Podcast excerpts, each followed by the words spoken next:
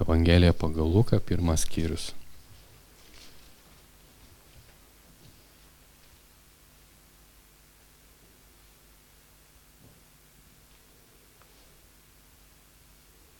Visi radom. Gerai.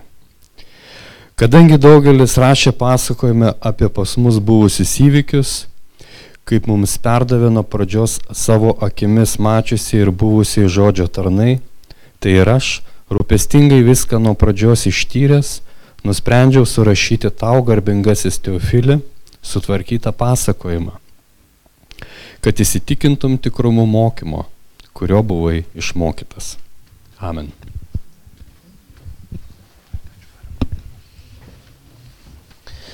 Pasimelskime. Dangiškasis tėvė, mes prašome, kad tu atvertum mums savo pažinimą per savo žodį, kad kalbėtum per jį, kad mes suprastumėm, pažintumėm tiesą ir kad ta, toji tiesa e, paveiktų kiekvieną mūsų gyvenimą, kad mes būtumėm padrasinti, įtikinti, pamokyti tavo žodžio ir kad būtume patraukti prie Kristaus, kad labiau jį mylėtume, labiau jam pasišvestume ir gyventume dėl jo garbės per Kristų. Amen. Prisėskim visi. Taigi mes pradedame gilintis į Evangeliją pagal Luką ir ilgas Naujo Testamento tekstas, bus matyti, kiek mes užtruksime, bet aš manau, kad tikrai e, kelionė e, Evangelijos pagal Luką puslapiais bus visiems įdomi, naudinga. Ir labai svarbus dalykas, kad jinai duotų e, mums apčiuopiamą naudą tikėjime, kad mes patys auktume tikėjimu, kad ne tik tai sakytumėm, ką mes naują sužinosim, kokios naujos informacijos, bet kad mes brestumėm kaip tikintieji, kaip krikščionys, kad mūsų pasitikėjimas Kristumi dėl mūsų išgelbėjimo, dėl pašaukimo Kristuje, dėl to, ką mes turime e, ir privalome veikti iš to žemėje, didėtų ir mes turėtume didesnį užtikrintumą pasitikėdami Jėzumi. Šiandien aš norėčiau savo pamokslą padalinti tris dalis. Viena bus ilgesnė, kitos trumpesnės. Taigi pakalbėsime apie pasakojimą, pakalbėsime apie tvarkos poreikį ir apie užtikrintumo uh, tikėjimo svarbą. Taigi važiuojam, kadangi daug turiu ką sakyti be ilgų įžangų. Taigi, pasakojimas. Uh, kadangi daugelis rašė pasakojimą, rašo Lukas, apie pas mus buvusius įvykius, kaip mums perdavė nuo pradžios savo akimis mačiusi ir buvusi žodžio tarnai, tai ir aš rūpestingai viską nuo pradžios ištyręs nusprendžiau surašyti tau garbingas Teofilius tvarkytą pasakojimą, pasakojimas, pasakojimas. Daugelis rašė pasakojimą ir aš uh, nusprendžiau parašyti sutvarkytą pasakojimą. Taigi, kas yra Evangelija? Evangelija galėtumėm sakyti e, yra, tai graikiškas žodis Evangelijo, uh, tai yra Jėzus biografija. Tai pasakojimas apie Jėzus gyvenimą. Ir paprasčiausia, teisingiausia būtų pasakyti, kad tai biografija. Jin parašyta E, graikų romėnų kultūros formatu, nes tuo metu Jėzus gyveno ir tie, kurie rašė, rašė graikiškai, dėl to atsiremdami į tos kultūros tam tikrą tradiciją, jie rašė šitas Evangelijas. Žiūrėkit, kartais mes susipainiam ir galvojame, Evangelija didžiąją raidę, mažąją reikia rašyti ir taip toliau. Kadangi Biblijoje yra keturios Evangelijos, mato Morkaus, Luko ir Jono, tai tekstus Evangelijas mes vadiname mažąją raidę bet pačią gerąją naujieną, gerą naujieną apie Jėzų Kristų, tai, ką jis padarė, mes rašome didžiąją raidę. Taigi, tekstai Evangelijos yra mažoji raidė, bet pati geroji žinia, geroji žinia, the geroji žinia yra didžiąją raidę rašoma.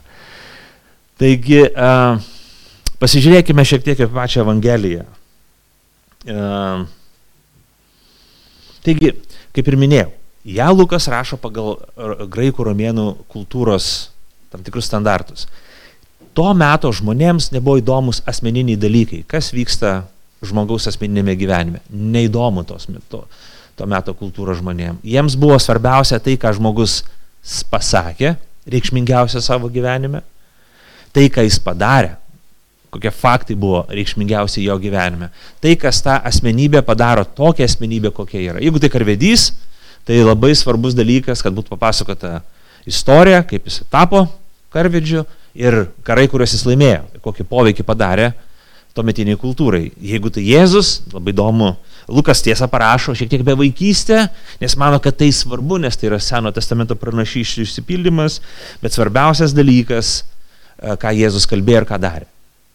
Viskas. Jokių detalių, jokių asmeninio gyvenimo dalykų ir taip toliau. Ir mes čia gyvenam skirtingose kultūrose. Mūsų kultūra jau nutolsta nuo graikų kultūros, nuo romėnų kultūros, nuo klasikinės e, e, kultūros ir mes jau, mums dabar daug įdomiau, iš tikrųjų, labai įdomus poslinkis kultūrai įvyko, kad mums netaip įdomu, ką istorinė asmenybė nuveikė savo gyvenime, taip kaip rūpėjo graikams ir romėnams, bet daugiau, ką jis veikia privačiam savo gyvenime. Ir tada rašo mūsų rašytojai, kaip ten kalbėjo, kaip keikėsi, e, kokį intimų gyvenimą turėjo, kokie carai, karaliai ir panašiai. Netaip svarbu, ką jie darė, bet kokios yra trivialios arba tokios kasdienės būtinės gyvenimo aplinkybės. Labai įdomu, kad mums daug įdomiau, kaip tos kultūros žmonės ką jie valgė, kokius rūbus nešioja ir taip toliau, negu tai, ką jie iš esmės padarė ir, ir, ir, ir atliko. Taigi dėl to mes šiek tiek gali mūsų interesas skirtis ir mūsų pomėgis skirtis ir mūsų žingeidumas gali būti nepatenkintas tuomet, kai mes skaitom antikinius tekstus. Nes mes juos skaitom iš 21 amžiaus žmogaus perspektyvos, to lūkesčių, kad mums pažiūrės detalių, daugybę detalių apie kažkokį tai asmeninį gyvenimą, ta, ta, ta, ta, ta, ta, ir galvojam, ta, tai nėra labai išsame Jėzus biografija, jeigu mes nežinom, pavyzdžiui, kokios spalvos Jėzus akis buvo, e, ko jis rengdavosi, ką pusryčiam valgydavo, kaip jisai skaičiuodavo kalorijas ir taip toliau. Antikiniam rašytėm tai buvo visai neįdomu. Taigi, atrenkami kažkokie esminiai faktai, nesminiai dalykai, kas rašytojo, teksto sudarytojo nuomonė buvo nereikšminga, nesvarbu, jis mesdavo viską lauk kaip nereikšmingus dalykus. Jonas, pavyzdžiui, savo Evangelijoje kalba, rašo 20 skyriui, tai baigėsi 20 skyrius, 21 e, taip pat baigėsi Jono Evangelijos, sako, kad daugybė dalykų yra nesurašyta iš Jėzos gyvenimo. Jeigu viską surašysim, tai tiesiog neužteks bibliotekų, kad sutalpintumėm visą, visą dalyką. Sakai, o mes turim skaitmeninę biblioteką, sutalpinsim viską. Bet jeigu tu priekaištauji, tai aš norėčiau paklausti tave žmogau, arba savęs, jeigu aš priekaištauju, kaip dažnai skaitai Bibliją, kaip dažnai ją perskaitai. Sakai, bet jin stora knyga, nenorė, kad aš skaityčiau.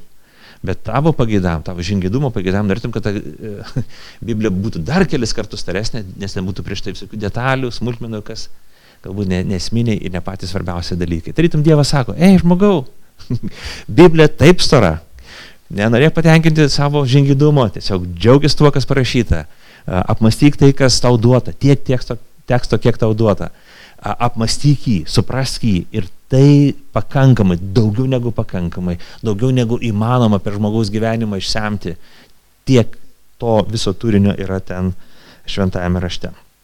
Jeigu skaitysime šventąjį raštą, mes pamatysime, kad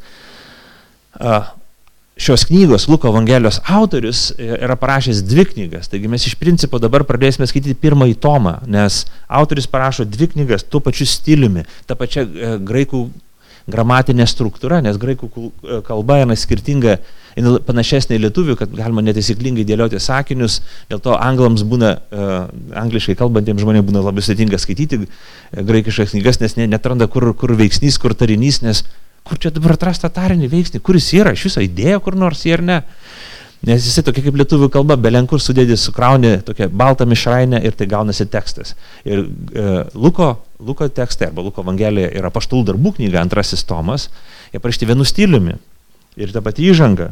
Pirmoje knygoje, apaštalų darbų knyga tai prasideda. Teofiliu, aš parašiau apie viską, ką Jėzus pradėjo daryti ir mokyti iki tos dienos, e, kuria buvo paimtas į dangų, pirmiau per šventąją dvasę davęs nur, e, savo išrinktiesiam paštalams įsakymų. Taigi žiūrėkime, autorius, mes sakom Lukas, parašė dvi knygas, du tomus. Pirmas tomas apie Jėzaus gimimą, apie Jėzaus tarnystės pradžią, tarnystę, pamokymus, mirtį ir prisikelimą. Antro, antro, antrasis tomas, antroji knyga, kurią jis irgi rašo dedikaciją, e, kalba apie tai, kaip Jėzaus mokymas uh, plito Jeruzalėje, plito Izraelyje ir visame pasaulyje po Jėzaus prisikelimo. Taigi dvi knygos. Aha.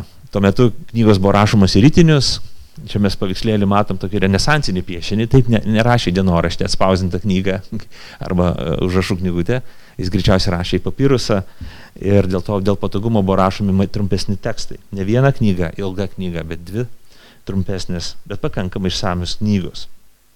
Dabar mums gali kilti klausimas, kas yra autoris, nes niekur Lukas neprašo, aš Lukas, e, tų, tų metų gimimo, e, asmens kodas toks, e, pragyvenantis toje gatvėje ir tokiu adresu. Niekur ne, nepasirašo, tuo metu žmonėms nebuvo būdinga pasirašyti, kartais rašydavo, kartais Paulius epistemologinėje literatūroje, tai rašant laišką pasirašydavo kas tokie, bet rašant knygas dažnai nepasirašydavo žmonės. Jis neprisistato, bet jau nuo antro amžiaus yra tas gilus įsitikinimas viso bančios tradicijai, kad tai rašo Lukas. Rašo uh, Lukas, uh, jisai buvo graikas, ne žydų kultūros žmogus, ne žydų tautybės žmogus, bet graikas, kuris atsivertė krikščionybę ir ištikimai tarnavo su apaštalu Pauliumi, buvo jo bendražygis, kelionių palidovas ištikimasis, net didžiausiose suspaudimuose. Net Pauliui būnant kalėjime, kai jam grėsė mirties bausmė, Lukas buvo kartu su, su paštalu Pauliumi, jam patarnavo, padėjo ir kaip gydytas, ir kaip pagalbininkas Evangelijos darbe. Ir to įrodymas yra, jeigu kas labai atidžiai nagrinėjate, yra paštalų darbų 16 skyrius, kai paštalų darbų uh, tekstą rašo, tą istorinį pasakojimą apie tai, kas vyko su bažnyčia po Jėzaus prisikelimo, jis rašo jie, jie, jie, jie, jie, ir staiga nuo 16 skyriaus jis pradeda rašyti 10 siltės, kad mes, kad mes, jis pradeda, rašo apie apaštalą Paulių, apie jo keliones ir tada jis pradeda rašyti e, mes, jisai įtraukia save, nepaaiškindamas, bet duodamas atspėti mums, kad, a, tai palauk, mes tyrinėdami tas istorijas suprantame, kad tuo metu Lukas prisidėjo prie, prie paštalo Pauliaus komandos ir tada jau įsirašo, kad mes buvom, mes dalyvavom, e, mus pakvietė, su mumis taip nutiko. Taigi visi giliai įsitikinę, kad, kad Lukas yra šito, šitų dviejų Naujojo testamento knygų. Luko Evangelijos. Būtų įdomu, jeigu Luko Evangelijos būtų koks Tomas autoris. E, taigi Lukas yra Luko Evangelijos autoris, yra paštalų darbų knygos. Tai yra nu, neginčinės visuotinis priimtas faktas. Taigi žiūrėkim, čia svarbus dalykas, kad bent dvi šventojo rašto knygos parašytos ne žydų tautybės žmonių, o pagonių. Taigi tai labai spūdinga. Lukas beje buvo gydytas pagal išsilavinimą. Mes galėtume pasakyti mokslininkas ir tai irgi svarbus faktas. Nes tai duoda tam tikrą požiūrio tašką, kaip jisai pateikė Evangeliją. Čia įdomu, kad kiekvienas iš mūsų, kai mes pažįstame, paži, pažįstame Dievą, mūsų asmenybė, mūsų profesinis e, išsilavinimas, mūsų socialinis statusas duoda tam tikrą kampą, kaip mes pradedame matyti Evangelijos šviesą, kaip mes pradedame matyti Kristaus atpirkimą ir tam tikrą atspalvį duoda Evangelijos suvokimui. Taigi Lukas lygiai taip pat atneša savitą indėlį į šventąjį raštą, savitą indėlį krikščionybės, vadinkim, patį svarbiausią dokumentą šventąjį raštą. Taigi pirmas dalykas, kad jisai yra mokslininkas. Mes galėtumėm sakyti, kad faktiškai tai pirmoji ar vienintelė Biblijos knyga, kuri parašyta tokiu mokslininko stiliumi. Jin remiasi ne kažkokiu tai, ne fantazija, ne kažkokiu atpasakomu, bet moksliškai ištirtų tiksliu įvykių, užfiksuotų įvykių, paliūdytų įvykių atpasakojimu. Tai ne jo kūryba, tai tikslus įvykių atpasakojimas. Taigi, kaip daugelis, kadangi daugelis rašė pasakojimą apie pas mus buvusius įvykius, jam svarbu kaip mokslininkui išsiaiškintos įvykius, juos detaliai susisteminti ir tada pateikti pasakojimą. Taigi, tikslumas tam tikras, tikslus pasakojimas, jokia fantazija, jokių emocinių impulsų, tikslumas, preciziškumas dalykams. Kitas dalykas, aišku, įvykio autentiškumas. Mes suvokiame tokį daiktą, jūs dar esat su manim, mes suvokiam tokį daiktą, kad Lukas nedalyvavo Evangelijos įvykiuose. Ir kai jis rašo apie Jėzaus gimimą, Lukas nesėdėjo su užrašų knygute ir nestebėjo apie menėlių, kurie matė uh, angelus, jis nebuvo tenai. E, kaip jis pats sako, kaip mums perdavė antroji lūtė, nuo pradžios savo akimis mačiusi ir buvusiai žodžio tarnai. Taigi, Lukas, jisai girdėjo liūdį, liūdėjimus, kadangi jis buvo apaštalo Pauliaus, labai aktyvaus misionieriaus pagalbininkas, Jis turėjo neįtikėtiną privilegiją, kurios nei vienas iš mūsų negalim turėti ir įsivaizduoti, sutikti pačius iškeliausius e, bažnyčios, pirmos kartos bažnyčios lyderius. Tai būti su apaštalu Pauliumi nuolat. Nuolat.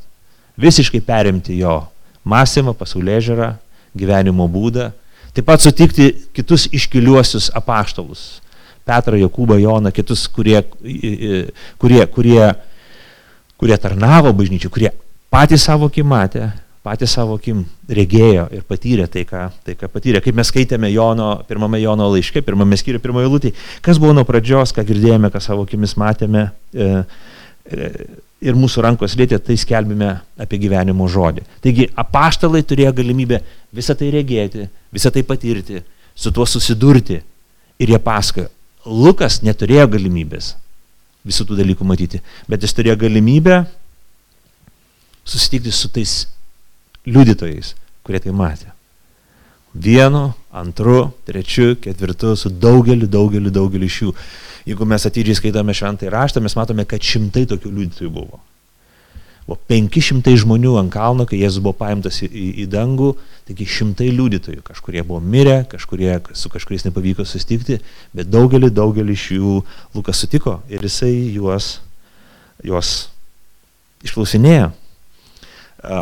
Galim sakyti, netgi jis pateikė savo metodologiją, kaip surinko tą medžiagą kaip mums perdavė nuo pradžios savo akimis mačiusi ir buvusi žodžio tarnai. Galim sakyti, galim sakyti, kad Lukas ėmė interviu iš tų žmonių. Jie pasako istorijas, pasako istorijas. Tuomet mes dabar nebeturim tos tokios, vadinkim, pas, pasakojamosios kultūros, oralinės kultūros, kai pasakojimas, pasakojimas, kai kažkas žmogus liūdė ir pasakoja. Ir niekas neturi nespėja rašyti, nes rašyti labai lietai, suplunksnant pergamento sudėtingas dalykas, reikia tada diktuoti, o diktavimas kitas menas, o ne kalbėjimo menas. Niekas negali įrašinėti garso ar kitų dalykų, jokių streamų nėra, tubose ir taip toliau. Dėl to žmonės atidžiai klausydavo. Taigi Lukas klausė, ėmė interviu, klausė tų liūdininkų, kurie matė, regėjo, patyrė ir jie liūdijo. Jie liūdėjo ir pasako, aš tai patyriau, aš tai mačiau, o buvo taip, Tokiais žodžiais prabilo. Ir Lukas viską stebėjosi, viską žymėjosi ir paskui jisai sudėliojo Evangeliją tokiu būdu, kaip atrodė, kad jisai, jinai bus naudinga tiem, kas ją skaitys. E, Luko Evangelija nėra chronologinis dok dokumentas. Ne, mes visi galvom, gal laiko prasme turėtų būti tokia tiesi linija. Lukas sudėlioja pasakojimą ne, ne visai chronologiškai, bet sudėlioja tam tikrų tikslų. Taigi žiūrėkime.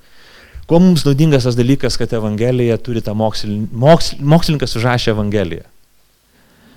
Tai aš manau, kad labai svarbus momentas, kad krikščionybė nebijo testo.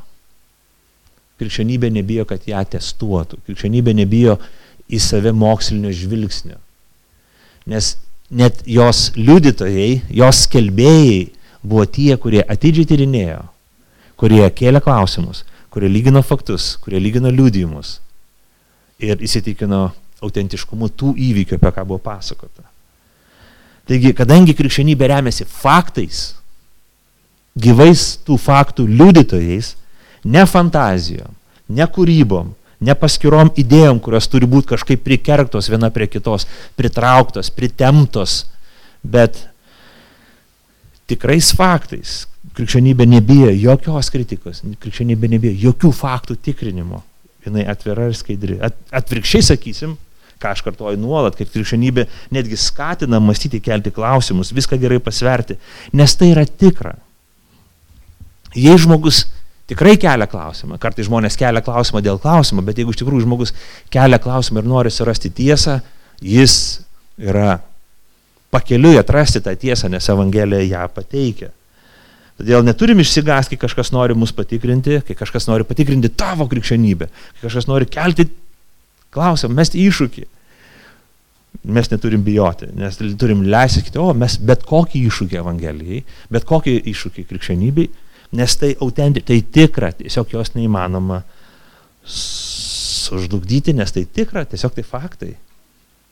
Ir gali būti, kad mes asmeniškai nebūsim pajėgus atsakytos klausimus. Gali būti, kad mūsų žinojimas nėra išsamus, kažkur nepakankamas, kažkur iš principo yra visiškai seklus ir mes net negalim kartais gal ir suvokti klausimo esmės, jeigu jis labai gilus ir sudėtingas.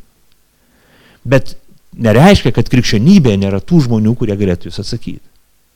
Krikščionybėje Dievo šeimo visą laiką bus tokių evangelistų lūkų, kurie iš, pas, supras klausimą, pasvarstys, atras atsakymą ir jį pateiks aiškiai, išsamei, logiškai, be emocijų, įtikinamai.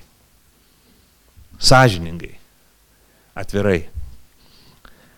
Aš žiūrėjau vieną vaizdo įrašą, porą žiūrėjau vaizdo įrašų, ten jie šiek tiek buvo skirtingi ir paėmė Lego kaladėlės.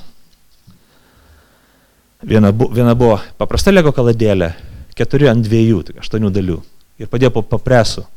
Ir spaudė, pažiūrėk, kiek kiek jinai atlaiko, kada sulūšta. Buvo ten tikros lego kaladėlės, tokios biški pasidrožė, vaikai, vaikų pažaistos jau ir, ir buvo ten kažkokia pigesnė gamintoja. Ir tiesiog supresų spaudė žiūrėjo, po kiek, per kiek, kiek svorį atlaiko. Ir buvo taip pat ten sukrautos tam tikros detalės. Aš dabar tų skaičių konkrečių negaliu pakomentuoti, gal reikėtų patikslinti, bet, nu, vadinkim taip, tas e, lengviausias, mažiausias skaičius, kokį aš mačiau, tai paprasta legų kaladėlė, 4 ant 8, ant 2, 8 jungčių kaladėlė, jinai atlaiko toną svorio. Kai tona 200, jinai pradeda trukinėti ir lūšta.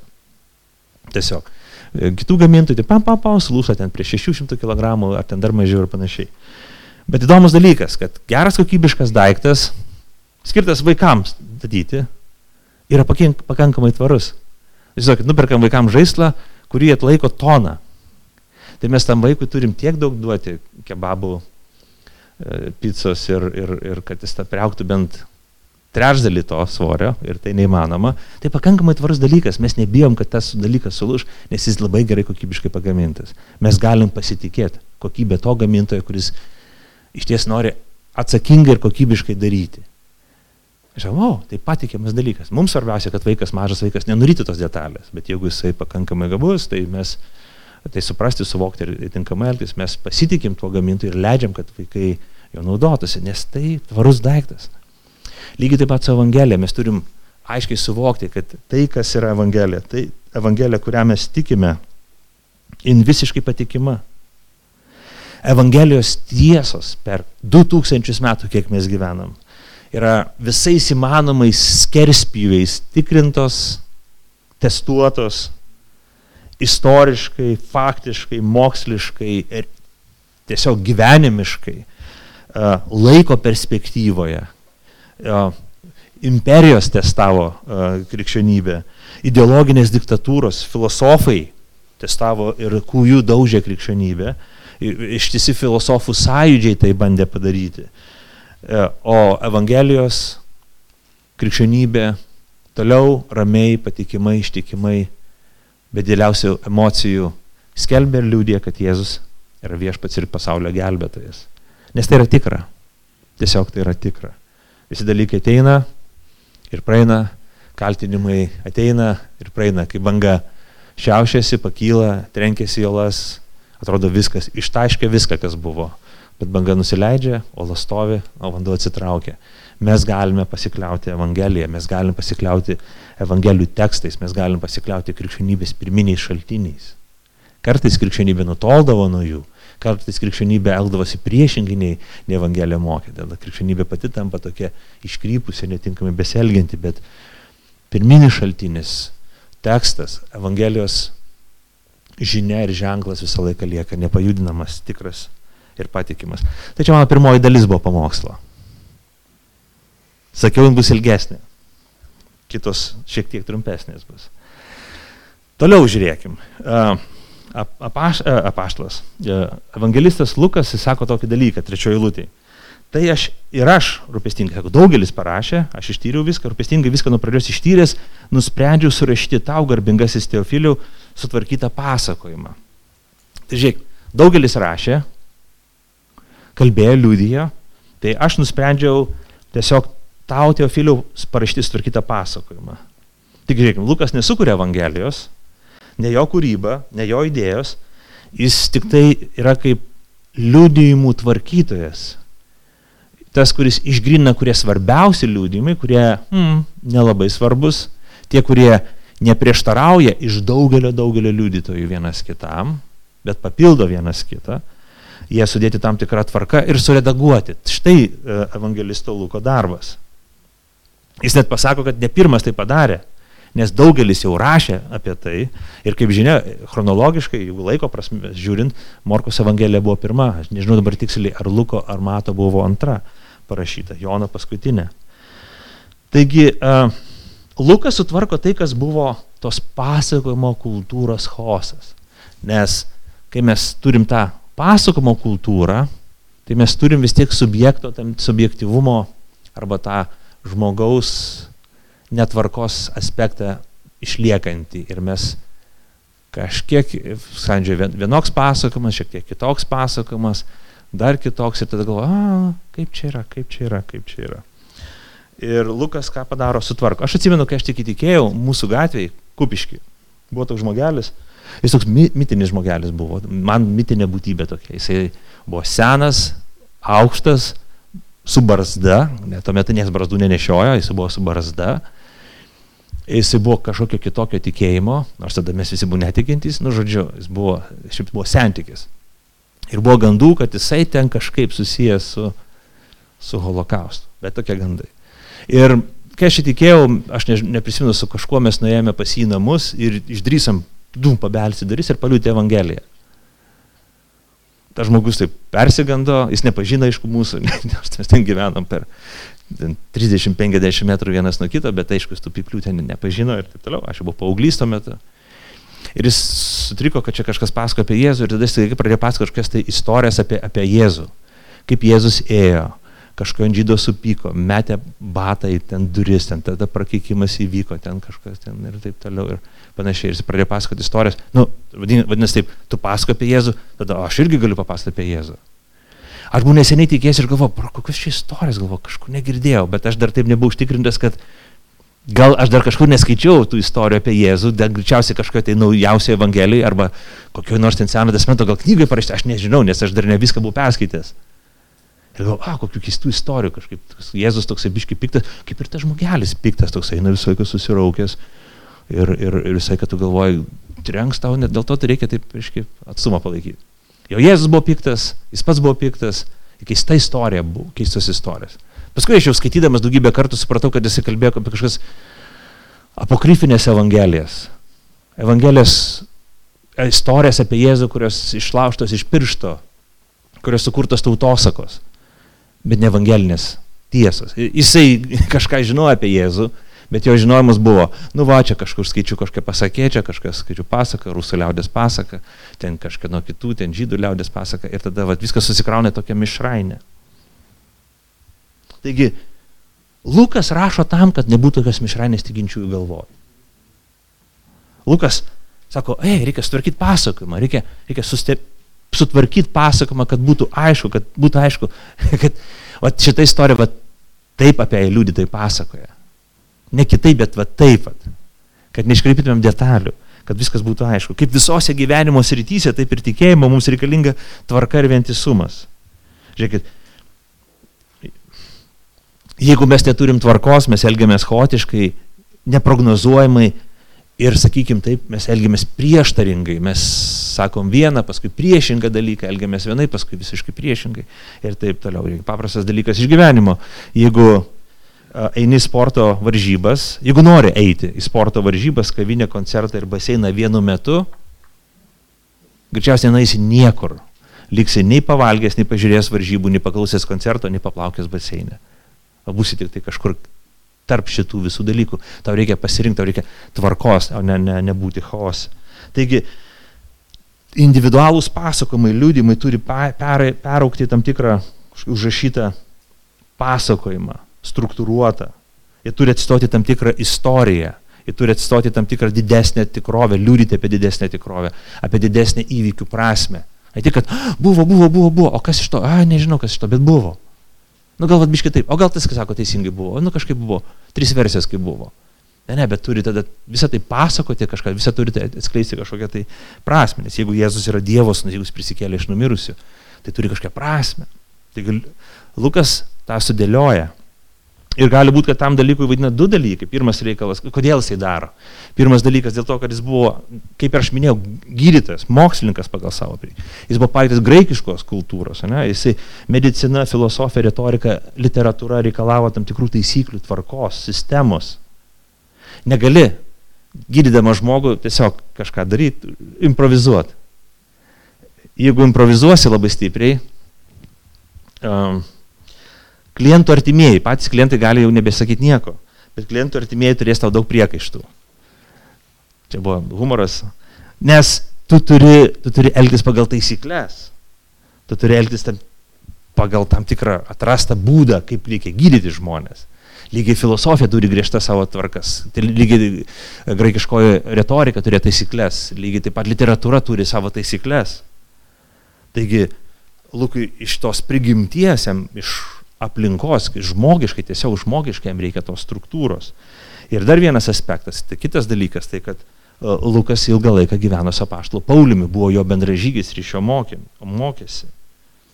Paulius visą laiką kalbėjo apie tvarką bendruomenėje, apie tvarką krikščionio galvoj, apie tvarką krikščionio gyvenime, e, kad, kad krikščionis turi, kad Dievo pažinimas atneša tvarką į žmogaus gyvenimą, sutvarko žmogaus gyvenimą atneša vidinę ramybę ir tvarką, kažkokią tai harmoniją jo gyvenimą. Tai pradeda atspindėti paskui to žmogaus gyvenime. Jis to, tokią pat harmoniją pradeda nešti į tikėjimo bendruomenę, lygiai taip pat į miesto bendruomenę. Jis pradeda būti patikimas ir, ir tvarkingas žmogus. Atvirkščiai, chaosas rodo, kad tos Evangelijos Dievo pažinimo nėra. Taigi, taigi Lukas rašo su tikslu sutvarkyti, atnešti tvarką tam tikrą ir panašiai. Ir čia aš galvoju, man dar nemažai teksto liko, laikas greitai bėga. Dažnai, žiūrėkit, reformacija, kai prasidėjo Lietuvoje, 16 amžiuje atvažiavę iš vakaruose studijavę jauni kunigai, jie susidūrė su tokiu dalyku. Lietuva daugiau nei 200 metų pakrikštyta. Bet praskleidę bažnyčių viduje pamatė, kad tikintieji yra siaubingai būkliai. Jie ateina į bažnyčią, klausosi latiniškų mišių ir nieko nesupranta, bet patys gyvena klaikioj pagonybei. Jie elgesi kaip pagonis, jie praktikuoja pagonybę, jie garbina dievus, žalčius ir kitus dalykus, aukoja jiems aukas ir gyvena kaip pagonis. Ir jie buvo pašiurpę, sako, o, mums reikia tada parašyti lietuvišką raštą, mums reikia lietuvių kalbą pamokslauti, reikia mokyti žmonės, kad žmonės grėžtųsi nuo stabmeldystės ir tarnautų tikrajam bei gyvajam Dievui. Bet žiūrėkit, jeigu ta problema buvo 16 amžiuje, jinai išlieka ir 21 amžiuje. Dažnai mūsų įsitikinimuose, evangelikų įsitikinimuose, aš nekalbėsiu apie kitus, mūsų įsitikinimuose yra tokia eklektinė mišrainė. Skirtingų idėjų mes prisigaudom ir neturim vieno sisteminio požiūrio, mes neturim suvokimo, kas yra Kristaus mokslas. Mes prisigaudam vieną idėją, išgirdam kitą idėją, ypatingai mums padeda tokia mišranė susirinkti Facebookas, YouTube. Aš pats žinau, ką aš galiu, aš skaičiau. O ką tu skaitai? Nežino. O, oh, fainai. Ir tada turi mišrainę, tokį kažkokių įkeistų idėjų kratinį, liberalių, biblinių, konservatyvių, marksistinių ir viskas vieną tokį, tokį, tokį kokteilį neįtikėtina. Tiesiog prieštaraujančios filosofijos būna mūsų įsitikinimai. Ir jeigu tu kalbi su žmogus, sakai, žiūrėk, tai kad tu pasakai tą prieš du sakinius ir dabar sakai, tai prieštarauja vienas kitam. A, nieko tokio, nieko tokio, čia labai jau smulkmeniškas esi. Netaip svarbu. Svarbiausia, tikė Dievą. A negi? A nėra būnai? Ai. Bet Lukas sako, reikia tvarkyti pasakojimą apie Jėzų. Reikia tvarkyti teologiją reikia tvarkyti pasaulyje žiūrą, reikia tvarkyti tikėjimo praktiką. Kai mes tuos dalykus sutvarkom, mes sutvarkom ir savo gyvenimą, jis tampa kažkoks tai labiau sutvarkytas, labiau suvaldytas ir panašiai. Sutvarkyta teologija, sutvarkyta galva, lygus sutvarkytas gyvenimas, nes priešingą atveju mes negalėsim tvarkyti gyvenimo. Mes negalim išmanyti visko, neįmanoma viską pažinti, neįmanoma viską sužinoti ir sakyti, tada aš tikiu, tikėsiuosi ramybę savo gyvenime. Bet pati, pats pati trajektorija, kai mes sakom, o aš noriu mokytis, aš noriu priimti, aš noriu, noriu būti nuolankus Kristaus mokinys, nes krikščionis yra Kristaus mokinys. Jisai mus pastato į tą poziciją ir jau atneša tą ramybę į mūsų gyvenimą. Taigi, jei mes norime uh, to viešpaties palaimimo, mes turime ne tai, kad įleisti Jėzui tam tikrą siaurą gyvenimo sritį, bet leisti, kad jisai visas mūsų gyvenimo sritis apšviestų. Kartais mes, aš susiduriu su krikščionim, kuris sako, man mokymas nerūpi, žinok, ne, ramūnai, žinok, man, aš, man Dievas rūpi, man mokymas nerūpi, teologija man, žinok, mm. ne, ne, žinai, čia kažkam gal, žinai, čia mokytėm visokiem mokslininkam, pamokslininkam ir kam dar pridėkam nors, už mokslininkam, da mokslininkam, nebe mokslininkam, neda mokslininkam, bet man tai tikrai nelabai rūpi. Tegul va tie skaito gilinasi, žinai, aš tai va, man svarbiausia, žinai, kad aš va tikiu Dievą, pasimeldžiu, va Dievas darbiški duoda kažką, gal dar išgelbės mano sielą, tiek man ir gana. Esate girdėję tokį pasakojimą? Ne kartą esu girdėjęs. Bet būna labai įdomu pastebėti, kad po kurio laiko tie nuolankus nemokytojai, nuolankus nepamokslininkai, nemokslininkai tampa labai dogmatiški mokytojai. Nes jie kažkaip po kurio laiko jie supranta, įtiki savo nemoksliškumo moksliškumu, nemokytumo mokytumu ir pradeda mokyti kitus, kaip reikia gyventi. Ne, ne, žiūrėk, žiūrėk, žiūrėk, pala, pala, klausyk, klausyk, dabar var ir taip, ir taip. Ir pradeda mokyti, kaip reikia supras dalykus. Jis niekada nebuvo mokinys, jis niekada ne, nesimokė, jis kas tengiasi išvengti to suolo, kuriame galėtų mokytis, tos mokinystės dvasios, bet jisai staiga suvokia, kad jis dabar nori kitus mokyti ir paaiškinti. Pastorius pamokyti, tarnautis pamokyti, jaunesnius tikinčiuosius pamokyti, kaip reikia gyventi, kaip reikia tikėti. Ir dažnai duodi tai, ką turi, negali duoti tai, ko tu neturi. Jeigu tu nesimokiai, jeigu neturi tos nuolankumo dvasios, tu negali pažinti Evangelijos ir negali nieko duoti. Jeigu chaosas tavo Dievo supratime pažinime, tai tu jį neši ir kitiems žmonėms. Ne atsakymą, ne ramybę, bet kažkokias keistas idėjas, bet ne Evangelijos. Ir žiūrėkit, kaip pavyzdį pateiksiu įvykius, apie kuriuos skaitysim visai ne už, ne, ne už kalnų, tai kitus, kitas savaitės, tai Marija. Marija, kuriai apsireiškia angelas. Jis buvo paauglė, jauna paauglė. Ir angelas ją kreipėsi, kai pradėjo lauktis Jėzaus. Jin buvo jauna mergaitė, paauglė, bet jinai giliai suvokė Evangelijos tiesas. Na, nu, nevadinkime Evangelijos, jin buvo ne, ne krikščionė, sakykime tai, bet jin suprato, koks yra Dievas, suprato, kaip reikia su juo bendrauti suprato savo ir Dievo santykio ypatumą, kad jinai turi būti nuolanki tarnaitė, kad jinai yra tarnaitė. Jis suvokia, kad jin turi būti klusni. Jis suvokia, kad turi būti pagarbi Dievo žodžiui. Ir jinai sakė, aš viešpaties tarnaitė, tebūnė man pagal tavo žodį. Net vaikas, vaikas, paauglys. Ne, FIFA, ten 27 cm nagų prisiauginusi bet nuolanki mergaitė. Ir um, žiūrėkim, mes paskui skaitome, kai jau tapo nešia, kai nukeliavo pas Elžbietą, kokią giesmę parašo jinai kalba. Jinai kalba tokį Dievo pažymą, neįtikėtiną. Rašto šedevrą. Jin kalba apie Dievo teismus. Kaip Dievas pa, pažvelgia į nuolankiuosius. Ir kaip pažemina išdidžiuosius.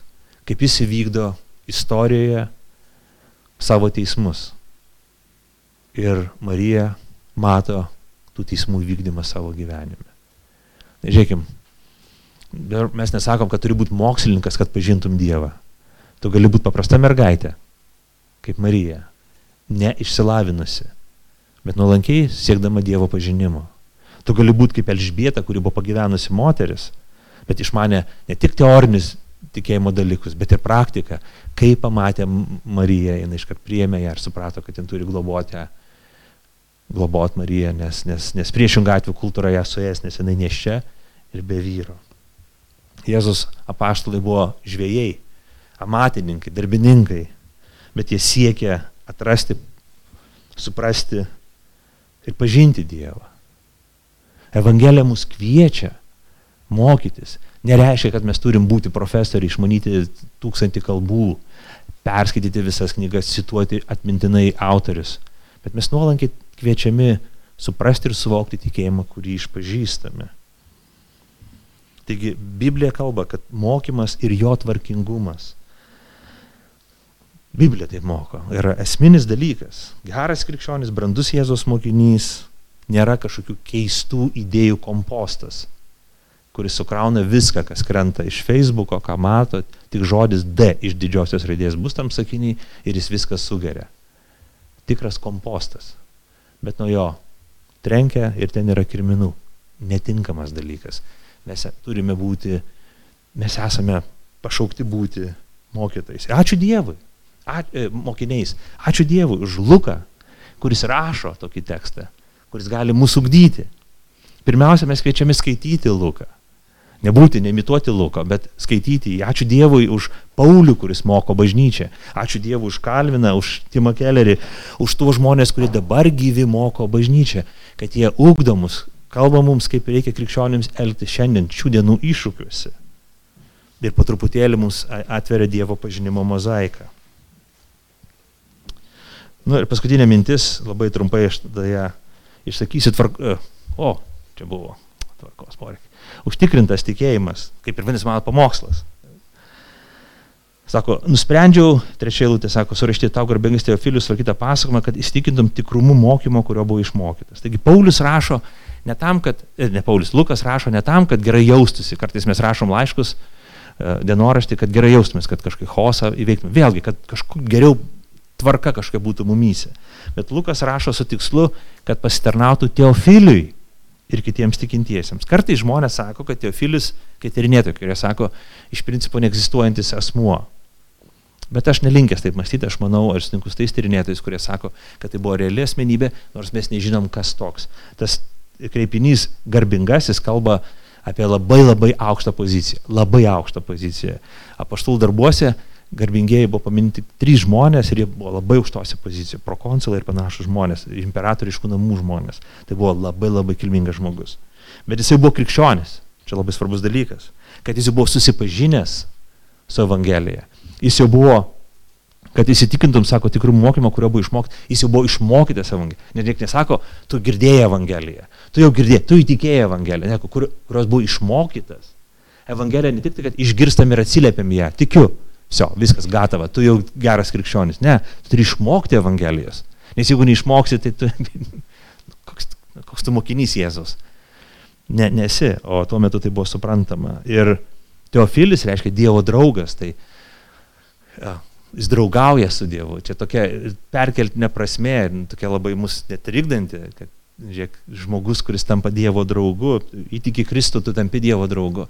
Tai galim sakyti, Lukas rašo visiems Dievo draugams, visiems krikščionims tą knygą, arba dvi knygas, pirmąją ir antrąją.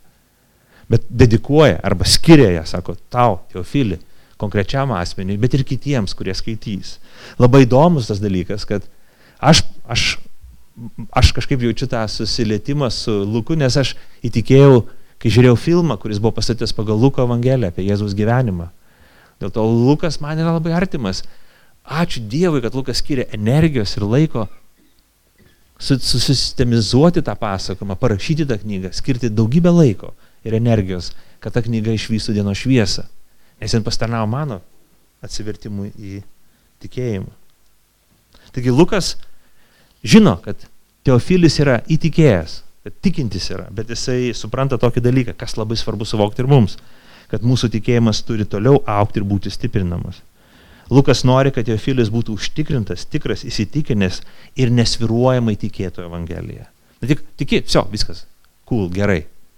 Kryžiukas, viso, viskas tvarkyta. Ne, ne, au, būk užtikrintas, nedvėjok, nesiblaškyk ir taip toliau.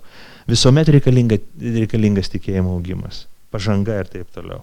Taigi, Evangelija parašyta kaip toks apologetinis kūrinys, kaip tas, kuris leidžia metą akademinį, intelektualinį iššūkį, kaip katechetinis mokantis e, kūrinys, kaip skelbimo kūrinys, kuris skelbia Evangeliją, kaip įtikinimo kūrinys, kuris nori įtikinti tikrumu, autentiškumu to, kas ten aprašyta.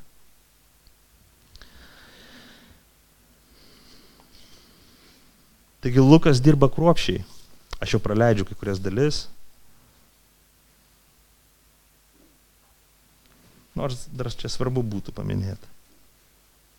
Tauzeris yra parašęs tokią gerą mintį, e, tuose kasdieniuose skaitiniuose, kas skaitėte šią savaitę, buvo toks tekstas, apie tai, kad Evangelija, Evangelijos skelbimas yra šviesos nešimas akliesiam žmonėm. Bet vien to fakto neužtenka tik tai atnešti šviesą akliem žmonėm. Kodėl? Dėl to, kad jeigu tu aklą žmogų apšviesi, jis vis tiek šviesos nematys, nes jis aklas. Reikia, kad kažkas gražintų tam žmogui regėjimą, kad tas žmogus galėtų matyti šviesą. Taigi yra mūsų veiksmas darbas, kurį mes darome, skelbėme Evangeliją, yra esminiai svarbus šventosios dvasios darbas, kuris veikia žmogaus širdį ir apšviečia neregio žmogaus akis. Ir kol mes kalbam, ir šio šventoji dvasia nedaro, nieks neįvyksta, žmogus žiūri, bet nemato, klauso, bet negirdi. Bet kai šventoji dvasia atveria ausi, ausis, akis, žmogus taiga supranta, suvokia ir tai jį perkeičia. Ir čia, žiūrėkime, dviejų veiksnių darbas. Ir čia, manau, labai svarbi mintis. Mes turim veikti, bet turim prašyti, kad mes veiktumėm iš vien kartu su Dievu, su šventąją dvasia, kai jinai veikia. Lukas tai aiškiai, aiškiai suvokia, jisai nepaprastai savo abiejose knygose akcentuoja šventosios dvasios svarbą bažnyčios gyvenime. Bet jisai nepalieka visko šventai dvasiai, kaip dažnai mes padarom. Nesako, o, tegul Dievas padaro. Aš jau paskelbiau, Teofilis jau tikintis Dievę, laiminu Teofilį, tegul tik tai jisai ten tiki. Tu padaryk viską, pabaig Dievę viską kas reikia, atbaig išgelbėjimu jo, kas reikalinga. Taip Lukas, ne, nesielgia. Aš nebegaliu nieko padaryti, mes dažnai sakom. Nes jis jį pasirenka taip, kaip nori pats, aš nieko negaliu padaryti. Tegul Dievas padaro savo. Jeigu jis jau padarys kažką, tai padarys, aš tai jau nieko nepadarysiu. Jei Dievas panorės, tai tą žmogų tikrai įtikins. Ir, ir tokie pareiškimai čia paimti iš mūsų bažnyčios virtuvės, sakykime taip. Ir jie klaidingi, nebibliniai arba tik iš dalies teisingi. Taip mes negalim savo jėgom žmogaus atversti. Neįmanoma. Bet mes turim labai aiškiai suderinti, kur yra šventosios dvasios darbas, kur yra mūsų darbas. Ir Lukas labai aiškiai suvokdamas šventosios dvasios svarbą, apie tą jis rašys, rašys paskui daug. Jisai daro darbą, jisai klauso liūdėjimus, jis juos surašo, juos sistemina, tvarko, redaguoja, taiso, koreguoja ir galiausiai surašo į dvi knygas. Tam, kad įtikintų, tam, kad pastarnautų teofiliui iš didžiosios raidės, asmeniui konkrečiam. Ir kitiems teofiliams kaip tu ir aš, kad mes būtumėm įtikinti Evangelijos tiesa. Man, kai aš rašau straipsnį, į ganytoją pavyzdžiui, man užtrunka vieną arba dvi darbo dienas, kad parašyčiau tekstą. Paprastai, jeigu aš jau turiu aiškiai žinodamas, žinau struktūrą, turiu visą tą stubrą ir apaugusią mėsą, jau žinau, ką aš turiu kalbėti, pavyzdžiai yra, tam, kad aš tiesiog suredaguočiau uh, į literatūrinę kalbą, į nuoseklų tekstą mintį, kurią aš noriu pasakyti. Man reikia panašiai dviejų darbo dienų. Tai 10-15 ar panašiai valandų. Be didelių gilių apmąstymų ir panašiai. Tai surašyti Evangeliją, surašyti tokią uh, be kompiuterių, be nieko, tiesiog ranka surašyti. E, tai yra milžiniškas darbas. Ir Lukas mane, kad tai prasminga. Kad tai prasminga dėl teofilio. Ar teofiliaus, kaip reikėtų sakyti. Dėl to asmens, kurį jis pažįsta. Dėl kitų teofilių, kuriuos jis sutiko skirtingose bažnyčiose, skirtingose kontinentuose, skirtingose kultūrose. Dėl tų žmonių, kurie patikėjo Kristų, bet dar nėra iki galo užtikrinti dar sutiks daugybę intelektualinių ir kitų iššūkių, moralinių iššūkių savo gyvenime. Ir Lukas galvoja, aš turiu pašvęs savo laiką, atiduoti savo protą. Dievas man davė gebėjimą suprasti, suvokti, susitikti su žmonėm, davė talentą rašyti ir gebėti tai padaryti. Aš turiu atiduoti save tam, kad tie žmonės, tas žmogus ir tie žmonės, kad būtų padrasinti Jėzui Kristui. Dvasia įkvėp, dvasia naudok. Dieve panaudok tai, Dieve paimti tą mažą, ką aš darau, dėl tavo garbės, dėl tų žmonių išgelbėjimo. Koks tai pavyzdys mums, broliai seserys. Kai mes bendraujam, komunikuojam su savo vaikais, su savo šeimų nariais, su savo artimaisiais, mes esam pašaukti pateikti atsakymus, pateikti liudijimus, tam, kad įtikintumėm, tam, kad atsakytumėm į klausimus, tam, kad argumentuotumėm, parodomėm tikėjimą, kaip jisai, koks iš tikrųjų Kristus, kaip jisai atėjo išgelbėti žmogaus, atėjo išgelbėti tavęs ir manęs, kaip, tai, kaip ta Evangelija siejasi su manim ir su tuo žmogum. Žiūrėkit, Lukas nekalba kaip tironas, nekalba kaip tiesos monopolistas, kaip arogantiškas savim pasitikinis profesorius, kur, kuris nori savo argumentai sutriuškinti klausytoją, parodyti, kad jisai neraštingas kaimietis. Ne. Jis labai švelniai, gražiai pasakoja. Ar labai ramiai, pagarbiai dalinasi Evangelijos žinia, dalinasi pasakomis apie Jėzų. Pasakomis apie tų žmonių gyvenimus, kurių keitėsi gyvenimai, kai jie sutiko Jėzų. Ir tai yra Evangelija. Šito labai reikia bažnyčiai šiandien. Šito reikia mūsų vaikams. Šito reikia mūsų bendruomeniai, mūsų bažnyčiai. Šito reikia panevežio miestui. Kad mes suprasim, kad tai labai reikšminga. Mes nežinom, kiek Lukas turėjo pinigų, kiek namų turėjo, ką uždirbo, kokią karjerą, kaip jam pasisekė, kaip, kaip jisai, kuo sirgo, kaip baigė savo gyvenimą. Bet mes žinom tokį dalyką, kad jisai parašė knygą, dvi knygas, kurios padarė milžinišką poveikį. Mes nežinom, kiek daug padarė jo gyvenimo metu, kiek pasiekė žmonių. Bet iki šiandien jisai skaičiuoja tūkstančius, tūkstančius, tūkstančius. Aš vienas iš tų. Tu vienas iš tų. Kaip tai svarbu, kaip tai reikšminga. Dėl to aš ką, ką kviečiu, nes Paulius sako, kad Evangelija, nu, rašydamas tesalonikiečiams, sako, Evangelija netėjo tik tai šiaip atėjo su giliu įsitikinimu. Aš galvoju, mes kartais neturim įsitikinimo, ir negalim liūdyti galvom, o, aš neturiu jėgų liūdyti, aš neturiu užtikrintumo liūdyti kitiems žmonėms. Aš negaliu pasakoti savo vaikams, nes kažkas atrodo, kad visiškai priešingai mano gyvenimas yra Evangelija. Aš negaliu pasakoti kitiems žmonėms, nes man nedrasu. Tai gal ne nuo to galo pradėkim. Gal pradėkim nuo to galo, kad mes galim atsisėsti kaip Teofilius, atsisėsti ir skaityti Evangeliją. Ir sakyti viešpatie, tu gali gydyti mano širdį viešpatė tu gali man, mane įtikinti, man kalbėti per savo žodį, avalyti mano širdį nuo nuodėmės apsunkimų, nuo stabų mano gyvenime, kai aš kažką žiūriu ir branginu labiau negu, negu tave. Aš noriu klausyti, noriu klausyti tavo žodžio. Te pasakom apie Jėzų, te Luko Evangelijos tekstai, šventą raštų tekstai atlieka darbą manį, kad aš būčiau įsitikinęs, užtikrintas tuo, kas ten parašyta, savo paties išgelbimui.